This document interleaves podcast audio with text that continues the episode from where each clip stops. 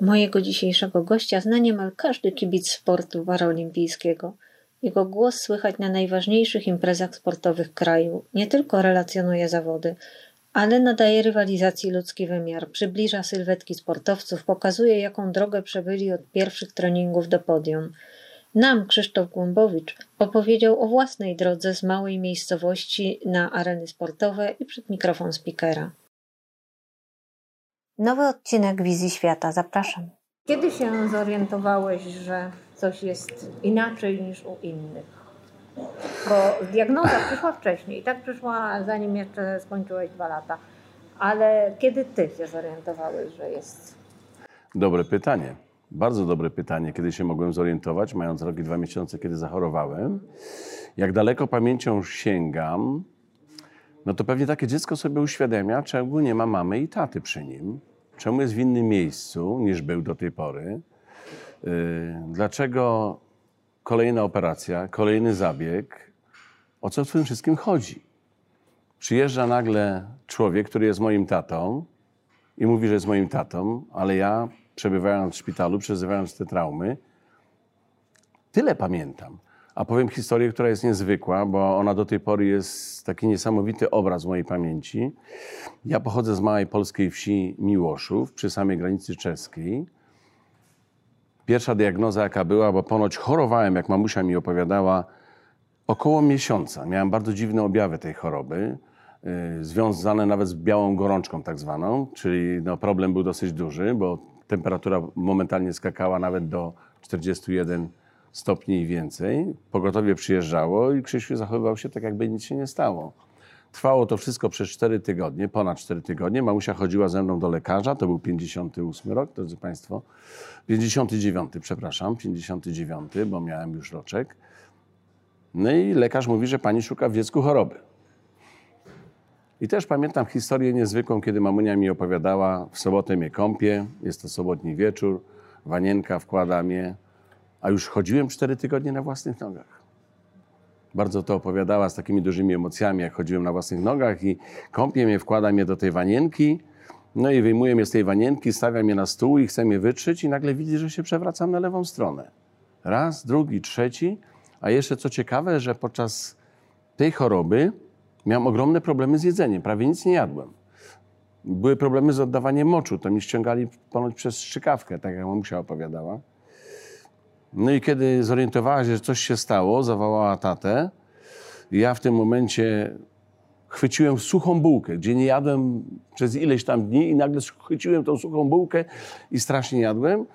To była sobota. To były zupełnie inne czasy. To był 59 rok. To była wioska, daleka wioska, jeszcze wioska przygraniczna. W tamtych czasach nie muszę Państwu tematu rozwijać, jakie były ograniczenia, jakie były trudności. Tatuś poniedziałek z mamusią na ramię roweru zawożą mnie na przychodni 3 km, 4 km dalej od mojego domu rodzinnego. Lekarka od razu powiedziała, a nie, to nie, to Heine Medina. Co dla rodziców dla ludzi, którzy o tym w ogóle, wtedy nie było telewizji, internetu, telefonów i tak dalej, nic na nie mówi. Z tego, co mi też rodzice opowiadali, to zatrzymali mnie, od razu wezwali karetkę, y, kilkanaście kilometrów śmigłowcem zawieźli mnie do Wrocławia.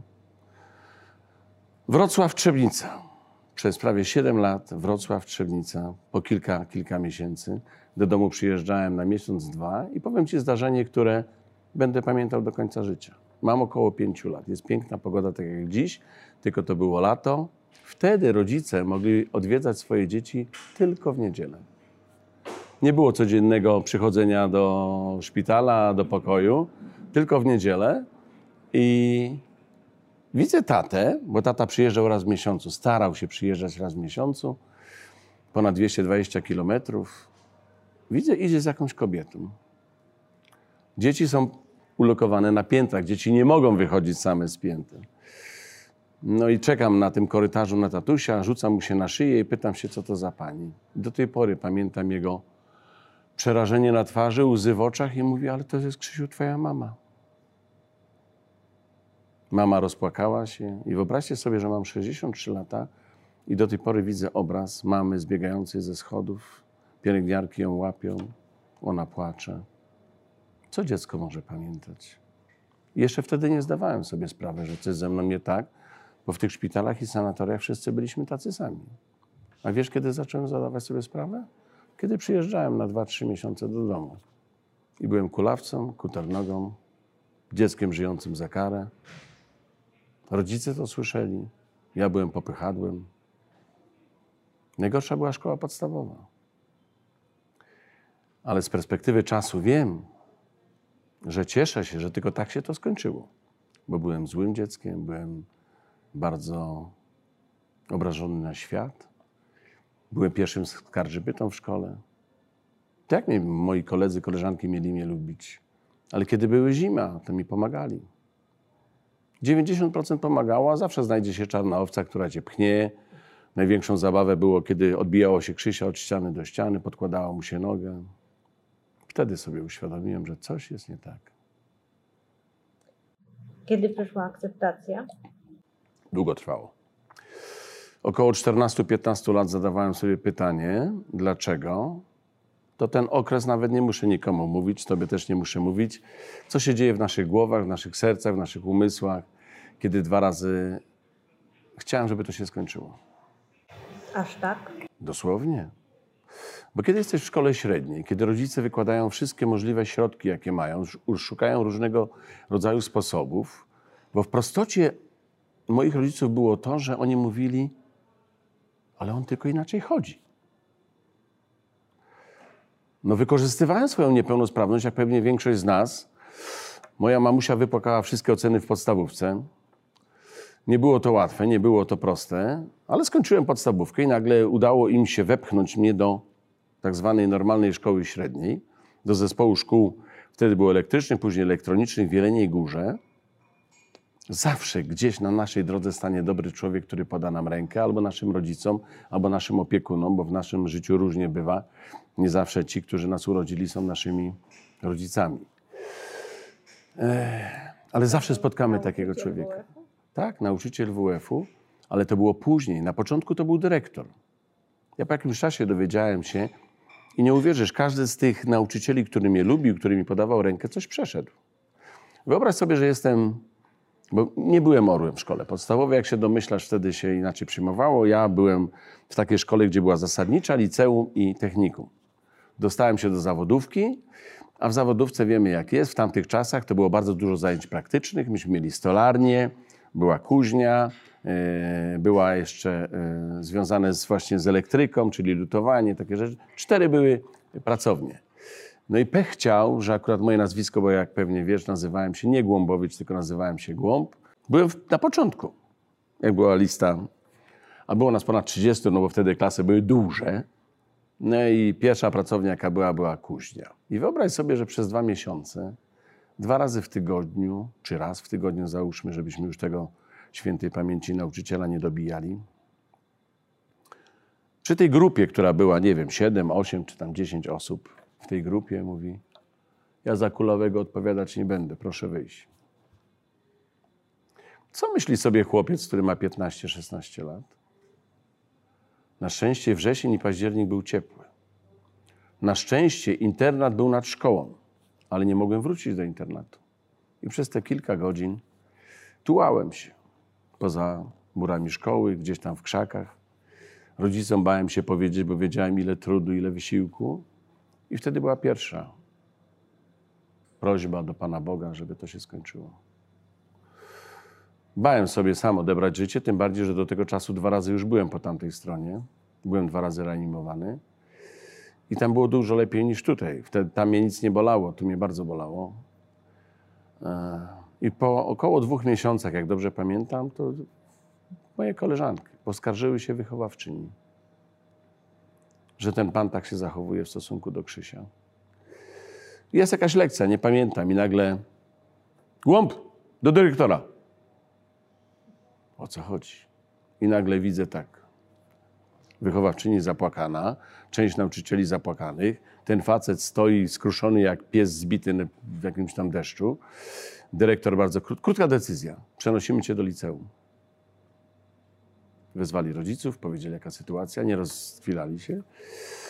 No i oczywiście, co taki Krzysiu robi? Zamiast wyciągać wnioski, hej, jest dobrze.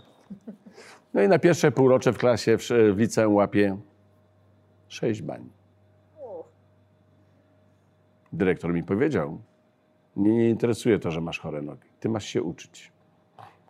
No Nauczycielom też. tak? No tak, no ale wiesz, była taka sytuacja, że był ogromny problem, bo nagle mam sześć bań, to wtedy jak na przykład byłem uczniem technikum, to przenosili do liceum, jak przenosili, jak miałem w liceum, to przenosili do zawodówki, no ale mnie już niżej nie można było, to z zawodówki przenieśli mnie.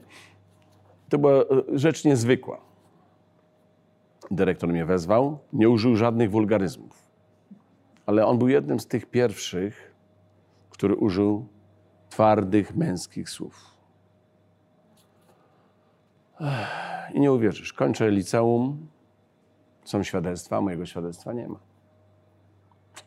Wiedziałem, że no, miałem świadomość, że pozdawałem, bo naprawdę zdałem. czerwonym paskiem. Abs, tak, tak, ale pozdawałem i naprawdę wtedy nawet nie miałem żadnej korepetycji, bo korepetycje zaczęły się w drugiej klasie, bo miałem nauczyciela, który chciał miał, jak mówię, dobić. No ale jest ta pierwsza klasa, jest oczywiście audytorem, taka osoba jak ja, to tam zawsze byłem jedyny. Jedyny w szkole, było prawie 300 uczniów, jedyny w szkole, który gdzieś tam siedział na końcu. No i okazało się, że dyrektor mówi, jest wśród nas jeden uczeń, który w życiu już bardzo dużo przeszedł, wiele jeszcze przed nim i wierzę w to, że on bardzo daleko zajdzie. I czyta moje nazwisko i mówi, że ma specjalną nagrodę dla mnie za to, że dałem radę, że poradziłem sobie. No i wtedy był ten moment, wiesz, kuśtyk, kuśtyk, wtedy jeszcze bez kul chodziłem, no ale mam, jak zauważyłaś, dosyć duże problemy z chodzeniem. Poradziłem sobie. On był pierwszy. Później druga klasa, nauczyciel matematyki, nie będę wymieniał nazwiska, bo myślę, że jeszcze żyje. Uparł się, no i cały czas się czepił do nazwiska, włącznie z polonistką. I mój cały czas mi dokuczali, że jaka wiedza, takie nazwisko, jaka nazwisko, taka wiedza. Yy... Ojciec załatwił korepetycję wice, u wicedyrektora, który był również yy, wykładowcą na Uniwersytecie Wrocławskim. Załatwił 10 korepetycji. On już po dwóch lekcjach mówi, Krzysiek, ale czego ja mam cię uczyć? Przecież ty wszystko wiesz. Ja mówię, to proszę powiedzieć temu panu, który cały czas mi daje dwóje. Mm, No i była taka sytuacja, że już po dwóch korepetycjach uczyliśmy się do przodu. No i było takie, takie zdarzenie, że y, ten nauczyciel miał taki nawyk 15 minut, kartkóweczka i po 15 minutach zbiera. No i oczywiście wszystkich nas wyzywa i była taka sytuacja, oddaje. No i oczywiście trzy czwarte klasy, dwóje i tam krzyczy, wyzywa, głąb jak zwykle. Ja mówię, nie zgadzam się. Konsternacja w klasie, jak to się nie zgadzam? Nie zgadzam się. Zawsze brał te kartki dar na pół. Nie uwierzysz, podszedłem do kosza, wyjąłem te kartki. Idę do ławki z moim kolegą, mówię, szukaj. Znalazłem swoje mm, klasówki, swoją tą, ten sprawdzian, idę do dyrektora, wychodzę z klasy, w ogóle nic mu nie mówię, gdzie idziesz? Ja jeszcze mu tak powiedziałem, nie pan się dowie, tylko powiedziałem, dowiesz się, mając 17 lat. No i przychodzę do dyrektora, akurat miał wolny, tylko powiedział nazwisko. Mówi, tak, mówi, zostaw tą kartkę. I nie uwierzysz, przez trzy miesiące mnie ten facet nie pyta. Wcześniej już mi wystawił dwóje na koniec roku. No i chyba dwa miesiące do końca wymazuję tą dwóję. No i skończyło się tak, że już następnego roku już w szkole tej nie pracował.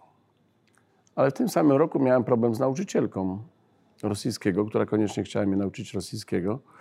Pewnie to Wszyscy mieli problemy z Duże. nauczycielkami rosyjskiego. była taka sytuacja, że powiedziałem, że przez wszystkie lata zaborów Polacy się nie chcieli nauczyć rosyjskiego. Ja się nie nauczę, bo mój dziaduś tego mnie nauczył. E, Chociaż mój dziaduś pochodził spod Lwowa, ale wtedy wiem, że Lwów był polski. Byłem strasznie takim upartym i, i, no i oczywiście usadziła mnie w trzeciej klasie, a to była trzecia klasa. W trzeciej klasie mnie usadziła i dwa razy powtarzałem trzecią klasę. E, A później ojcu powiedziała na koniec, że byłem wyjątkowo, wyjątkowym uczniem, bardzo mnie lubiła. I jeszcze jedną historię, która chce ci uzmysłowić, jak ogromne znaczenie ma to, kogo spotkamy na naszej drodze. A to była druga klasa, faktycznie. Z polonistką była druga klasa. Ja do tej pory jestem dysortografikiem. Mam ogromne problemy z ortografią. Jestem, cieszę się, że komputer mnie poprawia. Teraz jestem zmartwiony, bo komputer od trzech tygodni nie mam laptopa, a komórka niekoniecznie chce mi poprawiać. Ale jakoś tam sobie daję radę. Polonistka oczywiście użyła tego sformułowania, bo wtedy już był jakiś kodeks ucznia, że uczeń w jednym dniu z jednego przedmiotu może dostać dwie oceny niedostateczne, bo wtedy dwójka była tą najniższą oceną. No ja sobie zasłużyłem na trzy. I też oczywiście postawiłem się tej kochanej pani. mm, Ona wtedy użyła sformułowania, mieliśmy dwie godziny polskiego i ona użyła właśnie y, mojego nazwiska, jaka wiedza, takie nazwisko, a ja powiedziałem, nie wiem, do tej pory nie wiem, jak to zrobiłem. Czasami zastanawiam się, czy to ja mówiłem, czy ktoś tam na górze mną kierował. Powiedziałem coś takiego, nie wybieramy ojców, nie wybieramy nazwisk, ale ta nazwa najbardziej pasuje do pani. Taki byłem. I powiem ci, że w domu moi rodzice byli raczej tacy, że w ogóle się nie wychylać. Nie wiem, nie wiem skąd. Gdzieś tam ktoś mi może przekazał. Nie umiem ci powiedzieć, bo takich sytuacji miałem tysiące, gdzie postawiłem się wbrew czemuś tam. Ale to się później okazało moją siłą, mimo że w tym miejscu jestem teraz, w którym jestem, a, a nie innym. Wyszła, przez dwie godziny nie wychodziła i wyobraź sobie, że myśmy jako klasa nawet na przerwę nie wyszli. Wiesz, jak coś się dzieje, to klasa szaleje, No tak. a wszyscy siedzieli cicho, grzecznie. Szkoła, no i właśnie wspomniałaś mi nauczyciela WF-u. On był pierwszym, bo ze sportem, jako takim, z aktywnością fizyczną, spotkałem się w sanatoriach i szpitalach.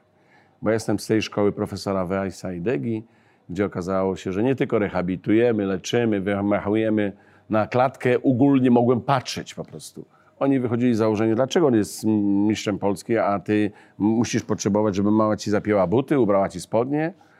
I to była najlepsza forma. A dzieci, młodzież ma to do siebie, że lubimy rywalizować z sobą. To, co mnie teraz do, nawet do szału doprowadza, kiedy rodzice tak bardzo chcą przeżyć życie za nas. No i, a to może jest inny temat. No i tutaj była taka sytuacja, że zauważył, że mi uczniowie dokuczają. Pamiętam, że kazał mi wyjść, a dwa razy to się zdarzyło. Moim kolegom dał tak w tyłek, że na następną lekcję niektórzy musieli być pod pachami przyprowadzani. Wiem, że tą postawą bardzo mocno dał im do wiwatu, no ale to spowodowało, że do końca mojej szkoły edukacji to może jeden, a nawet jeżeli był dwóch w klasie, to ukrywali swoją taką niechęć do mnie. Yy, No pierwsze to były dziewczyny, które jakby chciały mi podać rękę. Ale chyba szkoła średnia mi najbardziej to uzmysłowiła, bo jeszcze wtedy jest okres dojrzewania. Nie wyobrażałem siebie jako partnera, kolegę, przyszłości męża, ojca i tak dalej. To był bardzo trudny okres. No i wtedy był ten drugi moment, że chciałem, żeby to się wszystko skończyło. A szkoła średnia, to już wiedziałem jedno, że... Tylko chciałem, czy też coś w tym kierunku Nie, zrobiłam? nic, bałem się. Znaczy wiesz, tym bardziej, że ja znałem wszystko. Ja pamiętam, jak ci lekarze mieli przerażenie, że bali mi się jakikolwiek zaszczyt podać. Kiedy miałem złamaną nogę, to dwa e, dni, dwie noce leżałem w szpitalu, takim podrzędnym szpitalu w Lubaniu Śląskim i sprowadzali lekarza z Wrocławia, żeby mi tą niepełnosprawną nogę złożył, bo się bali. Wiesz, ja dwa razy byłem, naprawdę. Ja wiem, co to jest śmierć. E, Ale bałem się sam sobie coś zrobić.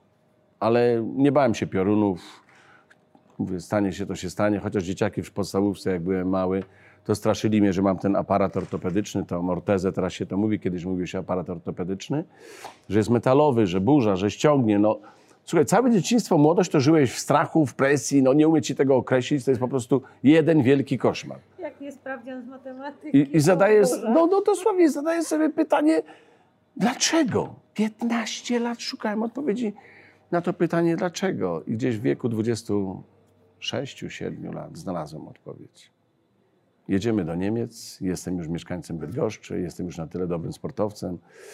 Zresztą zawsze byłem człowiekiem działaczem tak zwanym. Wszystkim starałem się pokazywać drogę. Próbuj, staraj się.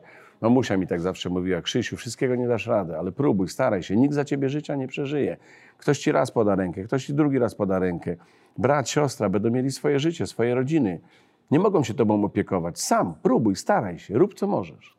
I wiesz, na tym to polegało. I szkoła średnia była takim przełomem. Ci nauczyciele, których spotkałem, jeżeli chodzi o moją aktywność sportową, zdecydowanie Stefan Bałkowski, bo on mi mówi, to, że jesteś zwolniony z WF-u, co nie będę nawet tego tematu poruszał, bo mi od razu ciśnienie skacze. Zwolniony z WF. No tak, no bo teraz wszystkie dzieci są zwolnione, niepełnosprawne z WF-u, gdzie właściwie zamykamy już na tym etapie wczesnego dzieciństwa i młodości i możliwość poznania. Rehabilitacją dzieci żygają, przepraszam za to określenie, żygają. Nie mogą patrzeć na pana, który wymachuje rączką, nóżką, kiedy idę do tego ugolu, kiedy coś mi każą robić, kiedy jest rywalizacja. To jest zupełnie co innego. I właśnie na tym polega sport.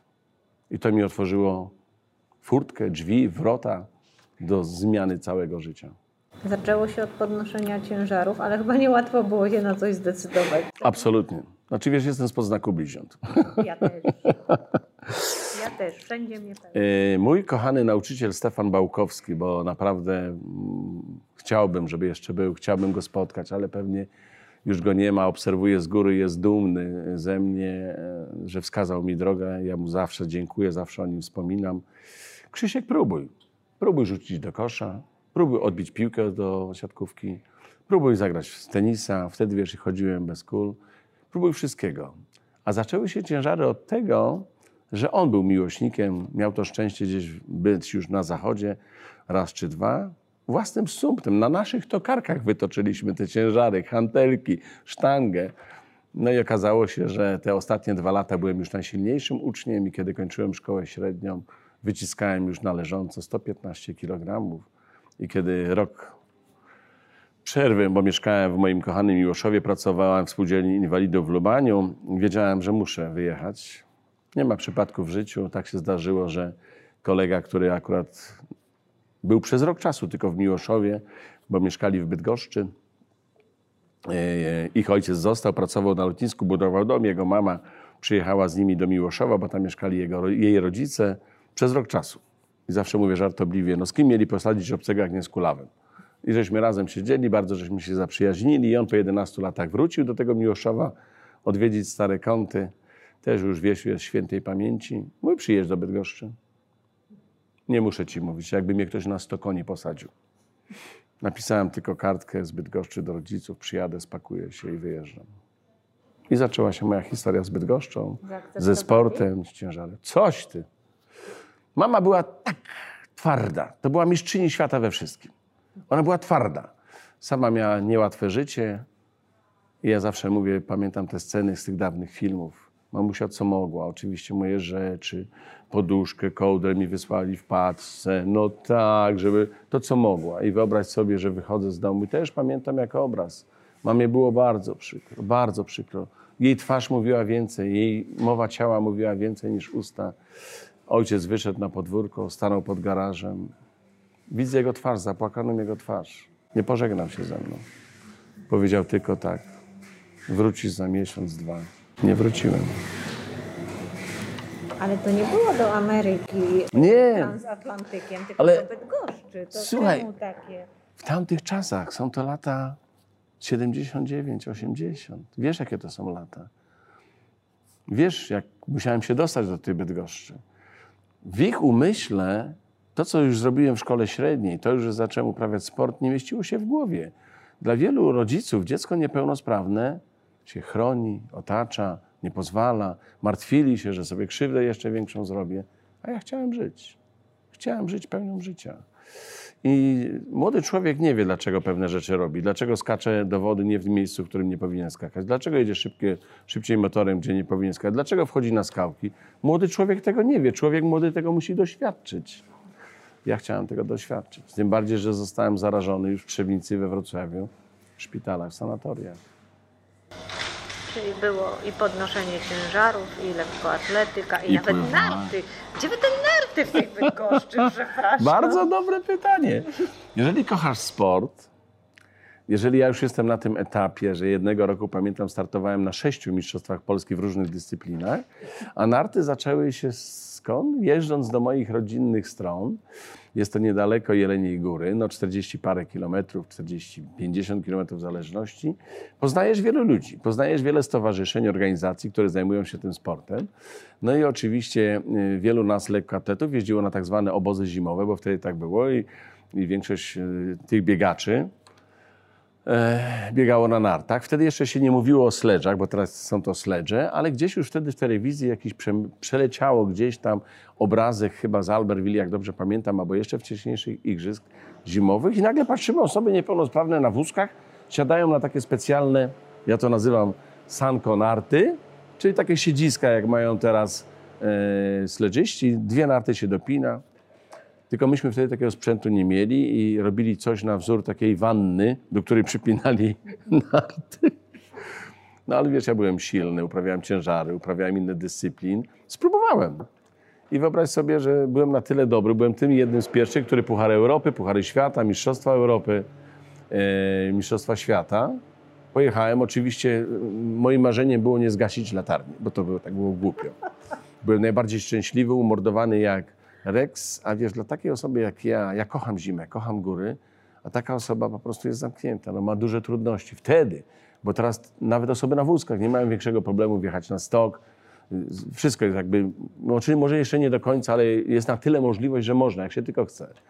No i spróbowałem. Piękna historia, piękna zabawa. Trener miał wielki i ogromny ze mną problem, bo jak ja już usiadłem na te saneczki i ruszyłem w trasę, to pamiętam, że zawsze mnie ścigali. Wraca już z treningu. E, To, jest też, to było też kolejne wyzwanie. I wiesz, poczucie wolności. Sport dał mi poczucie wolności, niezależności, samodyscypliny. I teraz używam tych słów, które każdego człowieka powinny dotyczyć. I to trwało no, do 40 roku życia, ale zabrakło, co, bo były i rekordy Polski, były Tak. e, medale mistrzostw Polski, Były starty ale na nie Mistrzostwach ma Europy Świata. Tak. paraolimpiady. Tak, tak. Powiem Ci, że mm, nie, nie umiem Ci teraz to powiedzieć, bo ja trenerzy bardzo żałowali, że się nie mogę skupić na jednej dyscyplinie, a miałem też, ja mówię, że to szczęście, nie pech, bo niektórzy nie. Wiesz, ja, ja na przykład zrezygnowałem z ciężarów, kiedy w naszym sporcie y, pokazał się doping. E, może te dwa zejścia moje wcześniejsze, wiedziałem. Ja bardzo byłem pokładanym człowiekiem. Ja nie szedłem na skróty. Ja nie brałem żadnych ulepszaczy, tak mówię skrótem. Nie chcę nikogo urażać. Yy, Skończyłem z ciężarem i przesiadłem się na wózki. Będąc na wózkach, trafiłem na Zbyszka Wandachowicza, na Bogdana Króla. Genialnych, fenomenalnych. Tomek Hamerlak. W ciężarach Boguś Lis, Rysiu Fornalczyk, mistrzowie świata, rekordziści świata. Powiem Ci, że nie żałuję. Ale wiedziałem jedno, to dzięki mamuni i tatusiowi, kiedy wracałem na tę moją wieś, widziałem ich sprzeczność. Jak to? Jak to? Byłeś tu, byłeś tam. Jak to wyjeżdżasz za granicę? Jak to masz paszport? Pamiętam, jak pierwszy raz leciałem do Stanów Zjednoczonych, jaki tatuś był przejęty. W urzędzie paszportowym, bo mój brat był w tym czasie w wojsku. To był 88 rok. To wiesz, co jest czas przełomu. I oni do mnie mówią, pan musi powiadomić brata. Ja mówię, sami sobie powiadomcie. Ja jadę, lecę do Stanów. Słuchaj, mam paszport, jest historia, którą nie zapomnę, nie będę wymieniał nazwiska, ale takie sytuacje się zdarzały. Bo wiesz, jak będziesz w tych Stanach, to tam wiesz, no... Tak pytam, patrzę w oczy tego pana prezesa, mówię, o co mu chodzi. No wiesz, tak przedstaw się jako taki nieszczęśliwy, biedny, może coś wyżebrzesz. Ja mówię, to niech pan sobie sam leci. Wyobrażasz sobie? Nieszczęśliwy biedny. 30 lat mam. Mam paszport, wyjazd z życia. I mówię do niego, żeby sam leci. Nie będę występował w roli żebraka. I na jakimkolwiek wyjeździe byłem, czy to w Niemczech, czy w Austrii, bo oczywiście w tych latach i z jednej strony, i z drugiej, włącznie w Stanach Zjednoczonych, no próbowano nam coś dać. W Europie z rzeczy, a w Stanach W dolarach. tak delikatnie, bo takie jedno zdanie, które otworzyło serca, kiedy mi zadano pytanie, czy nie chcę zostać. Też nie umiem ci powiedzieć, bo nie byłem na tyle poukładanym człowiekiem. Zawsze mówię, nagle coś przychodzi we łbie i mówię do nich tak. Nie sztuką jest żyć normalnie w normalnym kraju, ale sztuką jest żyć normalnie w nienormalnym kraju i ja właśnie staram się tak żyć. O Jezu, co za idealizm. Ale taki byłem. Okropność. No i wtedy po cichu, słuchaj, dostałem, gdzieś tak nisko mnie mów, dostałem parę dolarów, gdzie u nas w Polsce prawdopodobnie dwa lata by trzeba było na tę kwotę pracować. I wtedy mojej przyszłej żonie kupiłem pierścionek. Bo kiedyś się zaręczałem, to nie miałem pieniędzy, żeby kupić. Znaczy wiesz, y, chcę ci pokazać, jak dziwnym człowiekiem byłem, jestem, bo na wiele pytań do tej pory szukam sobie odpowiedzi. Co mną kierowało, dlaczego tak postępowałem, dlaczego tak się zachowywałem, dlaczego byłem taki honorowy. Nie jest tak, że się bałeś przez ten cały długi czas sukcesu, bo za każdym razem, Nie. kiedy się pojawia możliwość, że właśnie skoncentrować się na czymś paraolimpiada, albo Stany, albo coś, to robisz krok do tyłu. Powiem ci nie, to nie był krok do tyłu. Ja powiem ci słowa e, Włodzimierza Szaranowicza, który zrobił ze mną jako z pierwszą osobą z niepełnosprawnością. Był taki program Włodka Szaranowicza, mojego przyjaciela, jeden na jeden. I on w takiej rozmowie, jak ty ze mną rozmawiasz, mówi tak, słucha, słucha, słucha i mówi, Krzysiek, ty masz wiele garniturów życia. Ja kochałem kulturę, ja kochałem malarstwo, ja kochałem grać, uczyłem się grać na fortepianie, sam, na gitarze, ja pięknie rysowałem. Całą szkołę średnią byłem najlepszym rysownikiem. Bo wiesz, co były rocznice różne, to trzeba było co jakieś plakaty, no to malowałem, rysowałem. W drugiej klasie chcieli mnie przenieść do plastyka i my dali bok. Moi rodzice zawału dostaną, dajcie spokój, już będę tutaj, przemęczę się jakoś. Ale ty masz takie zdolności. Nie umiem ci powiedzieć. Nie, nie, yy, nie bałem się wyzwań, no bo masz przykład, yy, pójdę bardzo daleko, telewizja, pierwsze prowadzenie Pucharu Świata w Zakopanem. Jakbym się bał, to bym tego nie robił. I tych, tych wyzwań było mnóstwo. Sukcesu. Znaczy wiesz, wyzwań, ale to jest sukces, bo ja odniosłem we wszystkich tych dziedzinach ogromne sukcesy, tylko że nie zdobyłem medalu paraolimpijskiego. Ale wiesz, wtedy nie było takiej motywacji, jaka jest teraz. Medal wtedy nic nie dawał. Ja jechałem na pierwszy wyjazd do Stanów Zjednoczonych, dostałem dres, który nie był na mnie dres i jak wróciłem, to musiałem go oddać. I jak, kiedy ja uprawiałem ten sport, to wtedy wydawało nam się, że życie tak będzie wyglądało do końca.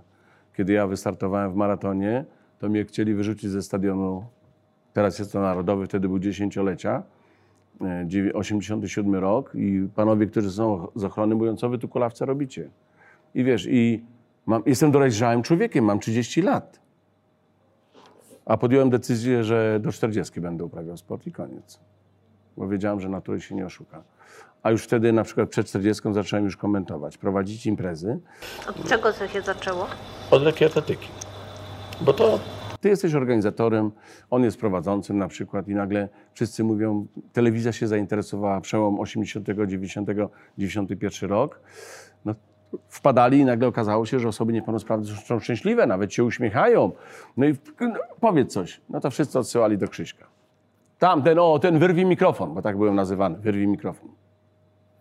No, pierwsze lata były trudne. No, tak to wyglądało. Y, Wiesz co, zadałaś mi to pytanie, może się zastanowię, ale tak głęboko odczuwam, nie, nigdy. Teraz może, mm, wiesz, kiedy się pojawiły pieniądze, stypendia, a już skończyłem wtedy karierę sportową, zastanawiałem się, czy nie wrócić, bo kocham strzelectwo też. Byłem bardzo dobrym strzelcem też byłem. Ale wiesz, jeżeli każdy weekend prowadzę gdzieś coś, a wiem, ile potrzeba poświęcić sportowi, a gdzieś tam mam takiego dobrego anioła, mówi, Krzychu, rób to, co robisz. Robisz to dobrze i na tym się skup. A pieniądze jakoś tak się dzieje, że już od prawie 20 lat nie pracuję, jestem tylko na rencie. Wypracowałem sobie rentę, nikt mi renty nie dał. Proszę zaznaczyć, wtedy rent nie dawano. Rentę trzeba było sobie wypracować. Osoby z tak zwaną znaczną niepełnosprawnością spółdzielczości inwalidów musiały być rok albo 5 lat. Takie osoby jak ja z, z umiarkowanym stopniem niepełnosprawności 10-15 lat. I wtedy mogłem się starać o rentę i oczywiście dalej pracować. Żadna renta socjalna. Pamiętasz w tym prowadzeniu zawodów jakieś takie zawody e, ze sportu osób z niepełnosprawnością, które zupełnie położyłeś? Żadnych. Nie? Jesteś zawsze dobrze, perfekcyjnie Nie, przygotowany. nie, słowo perfekcyjnie jest. Pamiętaj, że człowiek ma naturę, jeszcze się taki nie urodził, żeby każdemu dogodził. Jedni się zachwycają, a drudzy ci zarzucają, dlaczego mówisz. y, Bo mówię dlatego, że ta osoba prosiła mnie, żebym wspomniał o jej niepełnosprawności, o drodze do tej niepełnosprawności, bo ona jest odbiciem lustrzanym tysięcy, dziesiątek tysięcy osób niepełnosprawnych, które teraz będą czytały, będą oglądały w telewizji, mówi, mówi o mnie, mówiąc o sobie. Y, Nie, nie, staram się to robić dobrze, a to, co jest moją największą siłą, mm, robię to z sercem. Zresztą jak posłuchasz niektórych moich komentarzy, bo zamieszczałem ich mnóstwo, nawet teraz ta impreza, którą prowadziłem w Złotoryi, bo po raz pierwszy tam byłem, dla pełnosprawnych, były to Mistrzostwa Polskie między innymi służb mundurowych, wyciskaniu sztangi leżąc i w martwym ciągu, gdzie nie było związanych z osób niepełnosprawnych, ale dwóch moich kolegów, między innymi Rafał Roch, przyjechał, bo wystąpił w roli trenera. I jeszcze jeden zawodnik, który mimo tego, że był podes, wnieśli go po schodach. Oczywiście od razu całą nadbudowę zrobiłem o sporcie niepełnosprawnych, o tym, jak ważne są ciężary dla osób niepełnosprawnych na wszystkich zawodach. Ze skokami narciarskimi, z biegami narciarskimi, bo oczywiście byłem w w Wiśle, w Szczyrku i tak dalej. W Jakuszycach, kiedy Justyna Kowalczyk z, z biegła. Zawsze wspominam o tych osobach, które też mogą. O tym, że niepełnosprawni na tej polanie jakuszyckiej startowali, że to był mój pierwszy start na Mistrzostwach Polski. Ja wiem, co chcę powiedzieć, też mi ktoś z was, dziennikarzy, powiedział, Krzysiek, najważniejsze, żebyś wiedział, co chcesz powiedzieć, a słowa same przyjdą. Może to jest moja misja. Tak bym chciał być takim człowiekiem, żeby pokazać ludziom, że można żyć normalnie, że możemy być szczerzy, że możemy być prawdziwi, że możemy się kochać bez względu na to. Już nie będę mówił o pewnych kolorach, które od kilku lat są zabronione, żebym mówił, ale ja jestem te po tej czarnej stronie. Pokaż mi niepełnosprawnego, który tak odchodzi. Jestem szczęśliwy, bo jestem niepełnosprawny. Ja mogę teraz to powiedzieć, ale kiedy miałem te kilka, kilkanaście lat, miałem serdecznie dosyć. Osoba niepełnosprawna, która patrzy na brata, siostrę, matkę, ojca, sama zrobi, też bym chciał. Nie mogę. A później nauczyłem się żyć, że mi pomagają. Ale czy to jest tędy droga? Ja pokazuję, że nie. A jak poznałeś żonę? O właśnie, dobre pytanie. Miałem cudowną Asię. Znaczy, jak się domyślasz, jestem dosyć człowiekiem otwartym. Do 20 roku, bo to moja koleżanka otworzyła we mnie mężczyznę ze szkoły, moja koleżanka. Nie wyobrażałem sobie, skończyłem szkołę średnią, już jechałem do Bydgoszczy. Nie miałem żadnego problemu, żeby poznawać, mieć. Znałem mnóstwo. Ja, ja bardzo dużo. To dzięki dziewczynom już w szkole średniej zmieniło się moje życie. To wyście się za mną wstawiły. To wyście ukrywały przed własnymi koleżankami rodzicami, że chcecie mieć takiego kolegę, bo jak się domyślasz, w tamtych czasach rodzice raczej nie pozwalali swoim kochanym córkom zadawać się z kulawym. I wiesz co, nauczyłem się nie osądzać, chociaż było przykro, bo to są bardzo przykre lata, kiedy ale dlaczego tak mnie tra... No ale dlaczego? Wiesz, i zadaję sobie to pytanie, ale dlaczego? No i w końcu ktoś tam mi na górze powiedział, bo tak, bo tak jest, bo takie jest życie. Albo się z nim zmierzysz, albo będziesz płakał nad tym rozlanym mlekiem do końca życia i ciągle tego mleka będziesz dolewał. A ja nie, ja bardzo szybko. Jestem wściekły, byłem zły. Kiedy mi coś nie wychodziło z jakąś dziewczyną, to wiesz co sobie mówię? Nie jesteś mi warta.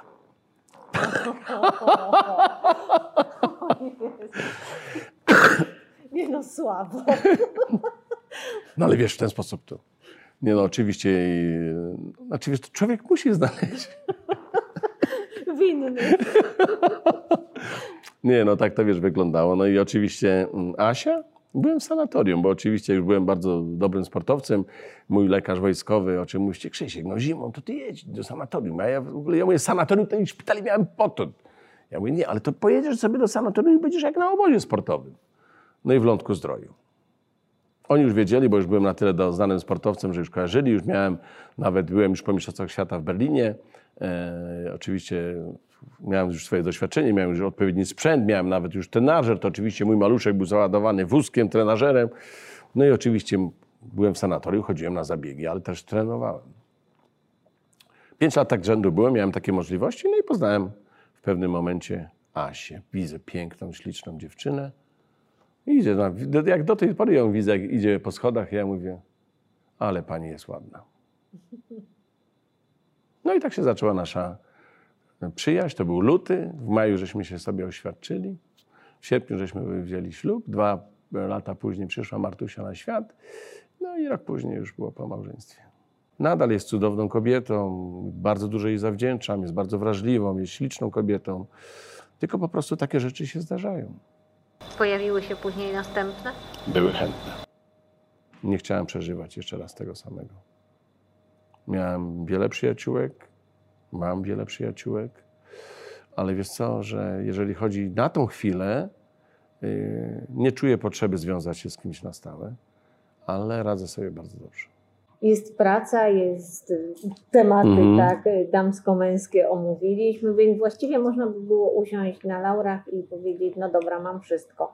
A ty tam dorzuciłeś jeszcze sporo takiej działalności y, społecznej, z fundacjami i tak dalej. Co ty robisz i dlaczego? Też dobre pytanie. Powiem Ci, że prędzej znalazłem odpowiedź niż zacząłem działać. Chciałem spłacić dług dyrektorowi, nauczycielom, których spotkałem, mojemu Stefanowi Bałkowskiemu, mojemu profesorowi, który mnie leczył w Trzebnicy i ojciec z ostatnim groszem pojechał.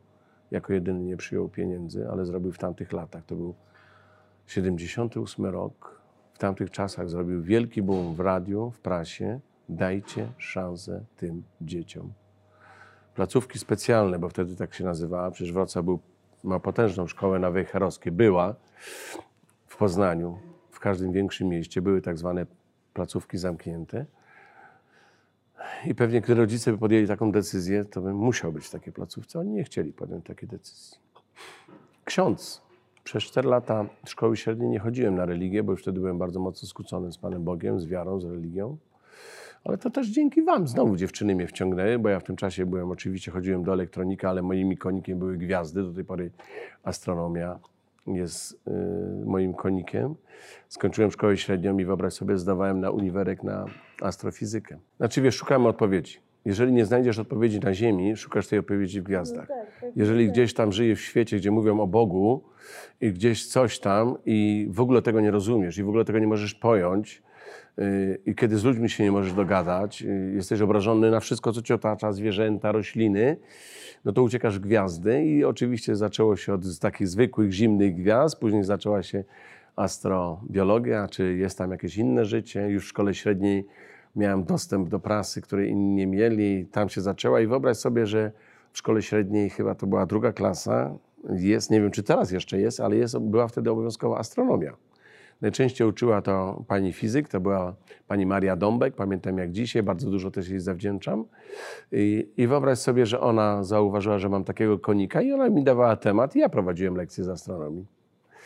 Bo to była bardzo prosta astronomia, ale była tak cudowna i wtedy już był ten pierwszy krok, kiedy klasa tak zaczęła, wiesz, no kurde, jakiego ma... Dziewczyny szczególnie, bo wiesz, gwiazdy są piękne. O tych gwiazdach można opowiadać pięknie. Nie można nie jedną dziewczynę wyrwać na gwiazdy. No to co ci będę mówił? Wtedy się bałem kobiet, w ogóle nie wyobrażałem sobie, że będę jakąkolwiek kobietę wyrwać. Ale o gwiazdach potrafiłem mówić i potrafiłem ładnie malować. I jak chciałem ciebie wyrwać, no to dałaś mi zdjęcie, to cię tak narysowałem, że po prostu a, od razu byłaś zakochana we mnie. No takie rzeczy potrafiłem, wiesz, robić. Szukałem własnej drogi życia. Ta droga, ta droga była bardzo taka ciekawa. Nie no i tak, y, no, no, no tak to wyglądało, to moje życie i one chyba ciągle tak wygląda, bo ciągle mam mnóstwo pasji. Jestem z natury impresjonistą, kocham fotografię, uchwycam pewne różne momenty. To jakie działania y, społeczne? Społeczne? No to już się w szkole średniej zaczęły. Gdzie na przykład, wiesz, łączyłem się w grupy, aktywizowałem. Kiedy na przykład nauczyciel WF-u dawał mi odpowiedzialność i na przykład była sala dla mnie, ale moi koledzy z internatu, Krzychu, możemy? I, I, ja na przykład, wiesz, już byłem jakby kapitanem albo dowódcą tej grupy. Inni szli za zaplecze oczywiście wyrwać, wyrwać dziewczynę, inni poszli na papierosa. Później, wiesz, jak wyrywał dziewczynę, to nauczyciel nie widział, ale jak papierosa wypalił i zostawił peta, no to zauważył i dostawała mi się bura. A moja taka działalność społeczna zaczęła się w Bydgoszczy. Kiedy zacząłem pracować w spółdzielni, kiedy były, wiesz, te różne związki, niezwiązki. No harcerstwo też było pierwszą rzeczą, gdzie ja w szkole średniej już jako harcerz próbowałem coś przekazać. No i właściwie, kiedy dostałem możliwość wypowiadania się, wskazywałem ludziom drogę. Od początku lat 80., a później z racji tego mm, ten dar mówienia chyba. Zostałem zapraszany na konferencje do różnych organizacji. Olimpiady specjalne zaczęły się już chyba z 15 albo nawet więcej lat temu. Ania Dymna z 20 lat temu. Europejski Festiwal Filmowy Integracja Ty i Ja, gdzie właściwie mm, tam jest film poświęcony tematyce, ale kiedy nagle była taka sytuacja, że tak jak Ani Dymnej odkryłem i powiedziałem, pokażę Ci inne osoby. Osoby, które biorą życie we własne ręce, które, e, no bo tutaj mi zarzucili, wiem niektórzy, że wszyscy zostaniemy paralimpijczykami.